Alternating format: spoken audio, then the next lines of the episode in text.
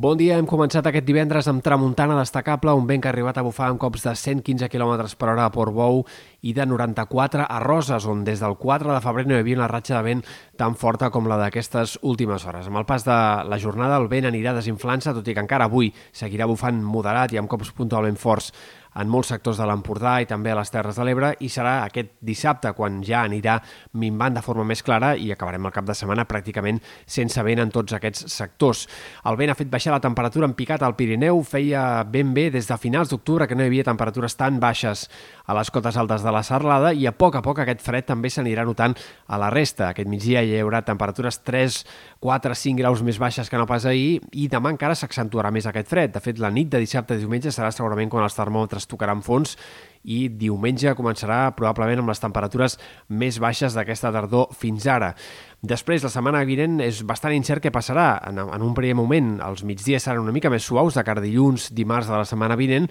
però és possible que a la segona part de la setmana que ve hi hagi canvis en una entrada d'aire fred més contundent. Hi ha molta incertesa, però, encara sobre què passarà a partir de dijous de la setmana vinent. Alguns models apunten més aviat a una situació de pluges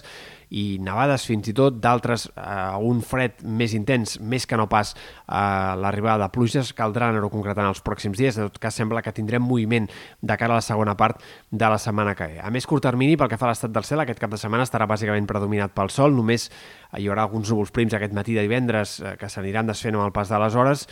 i a mesura que avanci el cap de setmana començaran a aparèixer també algunes boires matinals altre cop, però això es passarà més en l'inici de la setmana que ve que no pas de cara al cap de setmana.